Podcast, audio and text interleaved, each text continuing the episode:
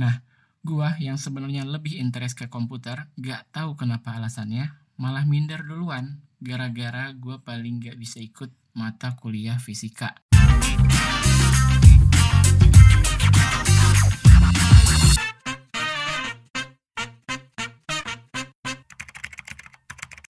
Halo teman-teman, selamat datang di channel podcast gua. Kali ini, gua bakalan bahas soal pengalaman gua ketika menjadi mahasiswa baru di salah satu perguruan tinggi di Bandung. Sebelumnya, gue kasih tahu dulu kalau latar belakang gue di SMA adalah anak IPA.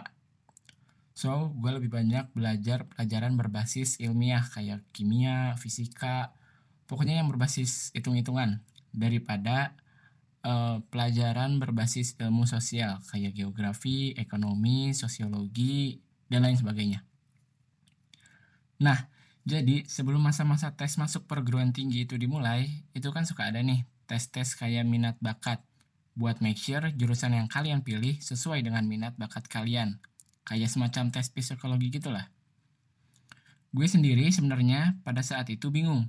Jurusan apa yang harus gue pilih, di kampus mana gue harus kuliah. Akhirnya ketika hasil belajar hasilnya itu, ada dua yang pertama itu ilmu komputer dan yang kedua itu e, kalau nggak ekonomi atau manajemen gitu ya, gue lupa. Nah, gue yang sebenarnya lebih interest ke komputer, nggak tahu kenapa alasannya, malah minder duluan gara-gara gue paling nggak bisa ikut mata kuliah fisika. Gue sebenarnya juga belum tentu tahu itu ilmu komputer bakalan ada apa enggak si fisika itu. Kalau ada bawaannya udah mager banget karena ketidakbisaan gue itu. Gue yang pada waktu itu mendaftar di berbagai kampus, UI, IPB, Undip, dan hasilnya gue ditolak. Sampai akhirnya gue ikut seleksi lagi di swasta dan negeri. Dan gue diterima di jurusan akuntansi di swasta dan pendidikan ekonomi di negeri.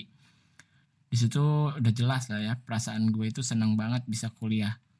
Nah, tapi gak lama gue mulai dibuat bingung lagi dilema tuh gue. Apakah gue harus kuliah di negeri yang jauh dari orang tua, pengeluaran udah pasti gede banget karena harus ngekos, makan dan segala macam, atau gue kuliah di swasta aja, dekat sama orang tua, minim pengeluaran karena nggak harus ngekos dan nggak usah mikirin soal makan.